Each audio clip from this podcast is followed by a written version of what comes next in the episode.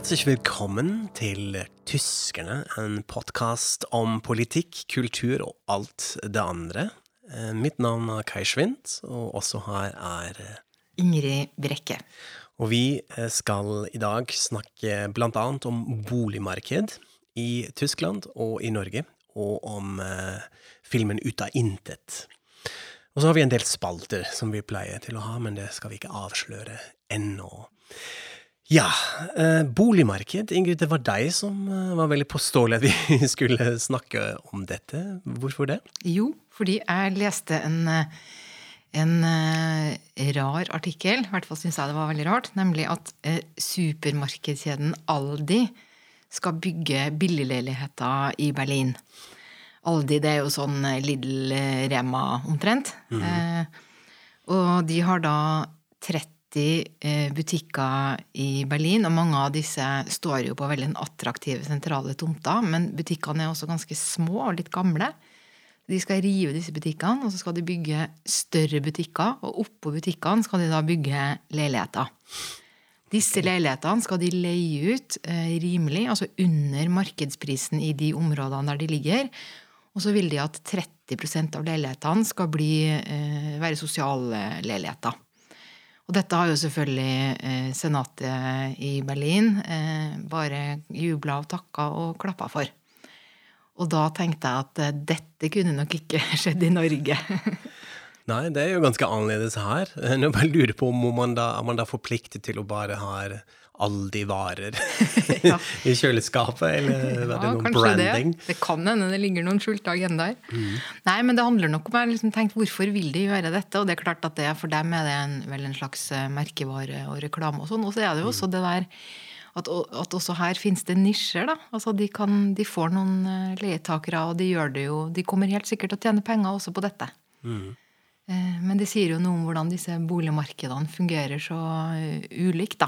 I, i eh, våre to eh, land. Og jeg har jo selv Jeg kan jo fortelle min eh, litt pinlige historie fra da jeg skulle prøve meg på boligmarkedet i Berlin. For jeg flytta jo dit i 2010 og skulle være korrespondent. Og da gikk jeg på visninga for å leie leilighet. Og så fant jeg drømmeleiligheten, da. Og var på visning hos eieren. Og så eh, var bare oss. Og så eh, sier hun liksom, når vi var ferdige, da, at eh, ja, nå har jeg jo antagelig noen andre. Eh, og så sier jeg eh, Men eh, du vet, jeg kommer jo fra Norge og, og har denne jobben, og sånn, så jeg kan godt by et par hundre euro over i måneden. Og da ble hun helt sånn stiv i ansiktet. Eh, og sa bare 'kanskje du hører fra meg', og så gikk jeg ut, og så skjønte jeg at dette nå, det er virkelig blamert meg. Fordi dette gjør man ikke. Man byr ikke over. Nei. Og det er veldig annerledes. Men jeg hadde vel rett i det. Man byr ikke over, Kai. Nei, det, Nei. det gjør man ikke. Jeg fikk litt frysninger nå. At de gjør det rett. Nei, det, det er veldig interessant, fordi det er jo virkelig store forskjeller mellom ikke bare hvordan marked fungerer, men også kanskje hvordan kulturen er uh, rundt dette. Altså, I Tyskland er det jo mye mer vanlig å leie. Uh, og ikke kjøpe leiligheter i, de store, store byene. Besteforeldrene mine de leide en leilighet hele sitt liv. Eh, Noe som ble bygd på 50-tallet i Frankfurt, eh, og som de døde i, på, på en måte. Og de har bodd der i, i 50 år. Eh, Dette er kanskje litt ekstrem. Eh, Det er ikke alle som eh, ikke flytter i det, i det hele tatt, men det er generelt mye mer vanlig å, å leie ut. Det er et annet forhold, forhold også mellom eh, utleiere og leietakere. Eh, Det er litt vanskelig på en måte å bli kvitt folk. Eh, Rettighetene til leire er sterkere sammenlignet med her.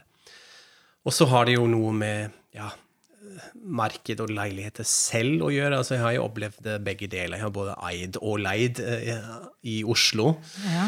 Uh, og jeg syns dette er noe av det verste I, I, Norge, hvordan dette fungerer. Uh, nå tenker jeg litt sånn på en måte på standard og prisnivå når man skal leie.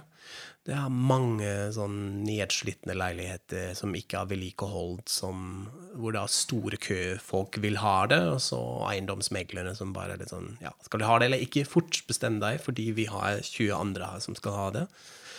Uh, men vi gjør ingenting. Det blir ikke oppusset eller bare litt. Uh, og man har veldig ja, finner seg i veldig sånn lav status, eller standard, egentlig av disse leilighetene. I tillegg at det finnes en sånn, eh, jeg vet ikke om du er enig i det, en sånn sosialt stigma rundt det å leie ut. Altså det å leie ut, da har det gått noe galt. Da har du litt sånn feila i livet, og ja. det er noe midlertidig kanskje, men altså det å leie i lengre periode, det er eh, ikke bra. Nei, det er jo, normalen er jo det at du skal kjøpe en leilighet så fort du får råd. Om du om du setter deg i gjeld og må spise havregrøt og sånn, det er helt greit, men du skal eie den. Mm. Eh, og jeg hadde, jeg hadde en Jeg har vel én venn som fortsatt leier. Men alle andre jeg kjenner, har jo selvfølgelig for lenge siden eh, kjøpt, og dette er jo helt normalen. Eh, sånn at Så sånn er det. Og det, jeg så en sånn statistikk på at Eh, det er jo, altså Alle typer innvandrere, som du jo da også er, er jo veldig overrepresentert på, på leiemarkedet. Eh, og, og det er en leie det er noe du gjør når du, ikke, når du av forskjellige grunner ikke kan eh, kjøpe. Ja. Og det kan jo være fordi du skal være veldig kort. Ja. Eh, eller det kan være fordi du enda ikke har råd, eller at du ikke får lov til å få lån i banken. eller ja. Det er mange sånne praktiske ting, da. Men det gjør jo selvfølgelig at det blir et slags stigma. Det tror jeg du har helt rett i. Og jeg forstår også den logikken at man da ja, herregud, nå kaster du ut penger ut av vinduet hvis du leier, fordi du skal jo nedbetale lån, du investerer i seg selv, men en sånn annen side med det at jeg syns det var veldig uhyggelig at det virker som boligmarked blir brukt som, sånn til spekulasjon. Det er veldig vanlig at man kjøper, og så selger man, og så tjener man der, og så ja, vi skal kjøpe oss noen ut. Vi kjøper treroms, og så har vi tjent 400 000 og sånn. Og, og da er jeg kanskje altfor tysk, eller veldig preget av ja, hva det vel er, kan vi jo snakke om, men jeg syns det er veldig usympatisk. Dette er noe Altså, jeg tror det var Knut Narum som sa en gang ja, hvis man vil ha kapitalisme, må man ikke klage når den fungerer. det, det, er jo sånt, det stemmer jo. Men allikevel går dette litt sånn mot uh, med en ja, kanskje janteloven, eller med en sånn generelt uh, altruistisk norsk ånd, som jeg føler ellers.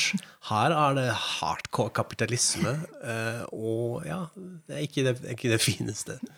Nei, altså synes Det er også veldig interessant det der at eh, vi tenker selvfølgelig på oss selv som normalen eh, i Europa. Og egentlig er vi helt unormale i Europa. Altså Aftenpostens europakorrespondent lagde en sånn sammenstilling av hvordan det står til i forskjellige europeiske land. Og da er jo Norge helt oppe i den ene ytterligheten med sånn 86% tror jeg det er som eier sin egen bolig. Mens Tyskland er helt i den andre enden, hvor det er litt omtrent halvparten som eier sin egen bolig. Sveits er aller lavest. Med, der er det 44 eh, som eier sin egen bolig. Mens det fascinerende er jo at de landene som bortsett fra Norge ligger veldig høyt, det er jo øst, tidligere østblokkland, altså Romania, skårer aller høyest, hvor 96% eier. Og det er jo fordi at de fikk kjøpe rimelige boliger av staten etter eh, kommunismens fall. Da. Men Norge er helt spesielt, og det skyldes jo også at eh, man har store skattefordeler av å ha lån, ikke sant? Og, og, og også da at man har en helt annen lånekultur, eh, mens tyskere har jo en F.eks. en, en motvilje mot lån og kreditt, og sånn som er mm. veldig annerledes enn en, den norske. Ja.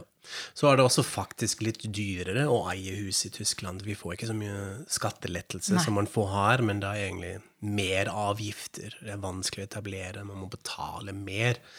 Uh, som fører til at dette er ja, noe som kanskje går litt mer i arv. Som er mer vanlig at man gir videre huset til barna osv.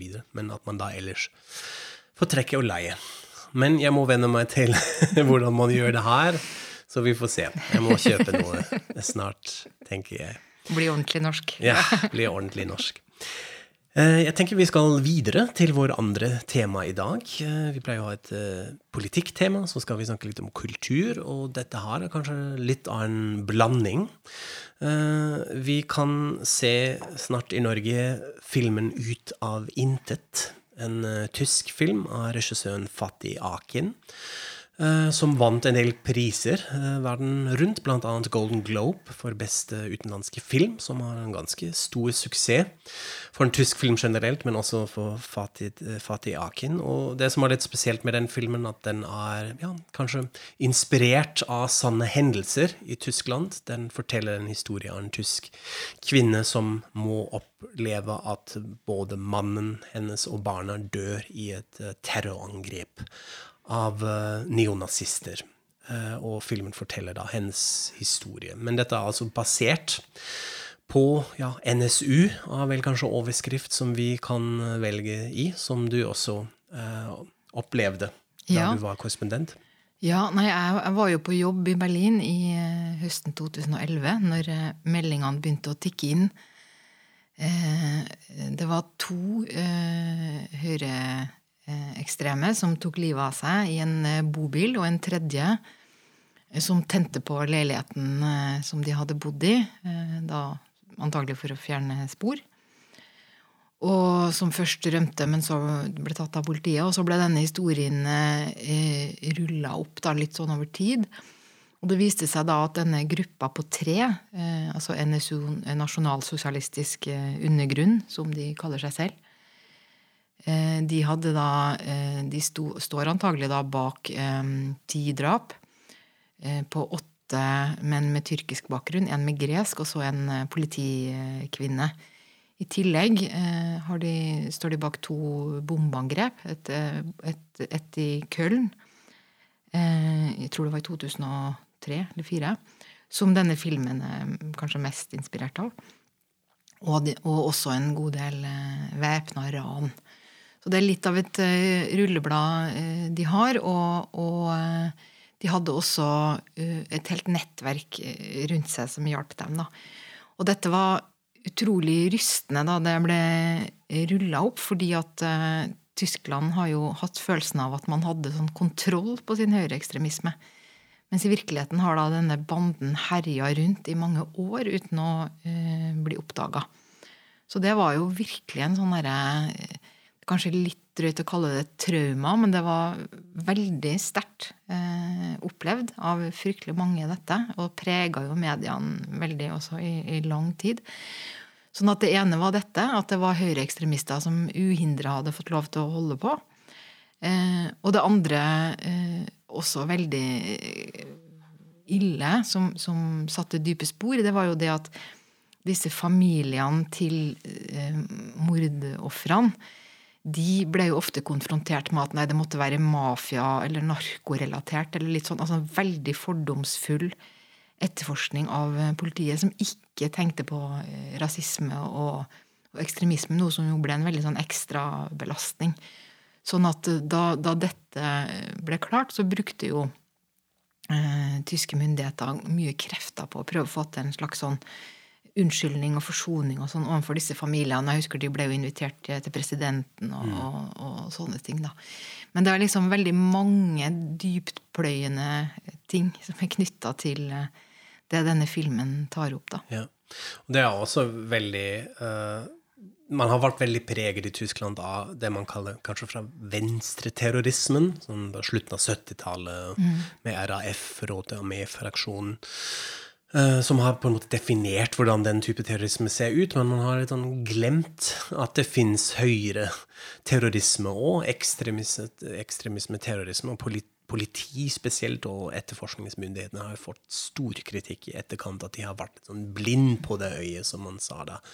Uh, og det har skjedd noe. Uh, man er litt mer obs på det nå, så det er kanskje det som er litt positiv, det eneste som kom ut av det, men det er absolutt Eh, traumatisk, skulle jeg nok si det. Dette er en veldig fal, fal ting som man ikke er helt eh, ferdig med. Og ja, filmen ut av intet er også kanskje bevis for akkurat det. Den er en viktig film, vil jeg si, uh, på grunn av det temaet.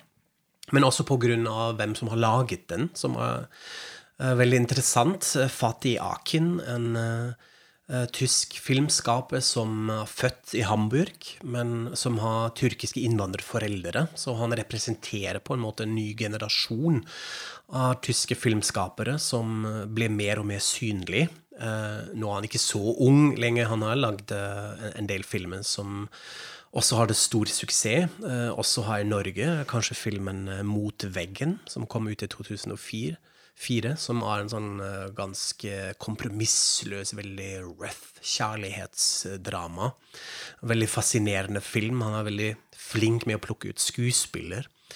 Og i Mot veggen har han også klart å uh, uh, caste en skuespillerinne, Sibel Kikkeli, som uh, før var egentlig bare kjent fra pornofilmer. kjent, i anførselstegn. Hun hadde en karriere der, men han så altså potensialet, og hun har et stort gjennombrudd i den filmen. Hun vant mange priser. og er nå egentlig verdenskjent, fordi hun har også vært med i Game of Thrones. Uh, oh, ja. Hun var elskerinne til Tyrion i to-tre sesonger, for de som er opptatt av det. Uh, så Fatih Akin har både ja, veldig sånn flink med å se på egentlig kjente temaer litt annerledes, og også med å velge ut skuespillere. Så det var veldig spennende da, han, da, det ble kjent at han skal lage en film som var inspirert av NSU, eh, med Diane Kruger i hovedrollen. Um, jeg syns jo at den um, har kanskje noen svakheter. Den er kanskje litt ujevnt i forhold til dessverre akkurat det med skuespillerpresentasjonene. Jeg syns ikke at hun leverer uh, hele tida. Uh, men den er veldig gripende, uh, også veldig rørende. Jeg er alltid litt sånn fascinert av hvordan juss tar seg av utrolig sånn følelsesladde hendelser. Og da er det også flere scener som spiller i rettssalen, hvor man altså sitter da og må høre på de beskrivelsene hva som skjedde med mann og barn, spesielt med det barna. Utrolig fælt å høre på hvordan den døde i denne bomben, men som da blir levert i denne jusspråket. Og man ser på uh, ja, eh, de nazistene i salen, som er iskalde. Uh, og det er jo basert også på den rettssaken som fortsatt pågår. Uh, jeg, var jo i, jeg var jo en dag i den rettssaken, jeg. det, det, er jo også nesten ubegripelig eh, hvordan den rettssaken den begynte i 2013, ja. og nå har den mm. vart i snart fem år. Mm. Og siden de to hovedmennene, antagelig, antagelig var de hovedmennene, tok livet av seg, så er det jo bare den tredje, da, Beate Tschepe. Mm. Og fire mer sånn medhjelpere, da. Og dette tar jo aldri Eller det tar selvfølgelig slutt en gang, men det mm. er jo helt utrolig, da. Ja. Eh, men der òg ser man jo altså det som du snakker om i filmen. ikke sant? At eh, man sitter i denne rettssalen og holder på med disse forferdelig grusomme tingene i dette nøkterne språket, og mm. da i måned etter måned etter måned etter måned. Ja. Og det er det også, da er filmen ganske flink, at den på en måte kontrasterer akkurat dette. Ja, vi må ha ja, juss, jussen som må ta seg av det, men samtidig er det da det behovet for hevn og en hel, mye mer sånn følelseslatt tilnærming til dette som hun mor må igjennom. Så den er spennende, og den anbefales. Uh, og um, ja, av spesiell i gode hender med Fatih Akin. Det syns jeg er veldig uh, kult at han har så stor suksess med filmen verden rundt, og så kan man også se den i Norge. Det kan man. Ja. Skal vi gå videre til ja. eh, noen av våre rubrikker? Vi har jo en sånn veldig koselig, gøy rubrikk her eh, som vi foreløpig har kalt Ord.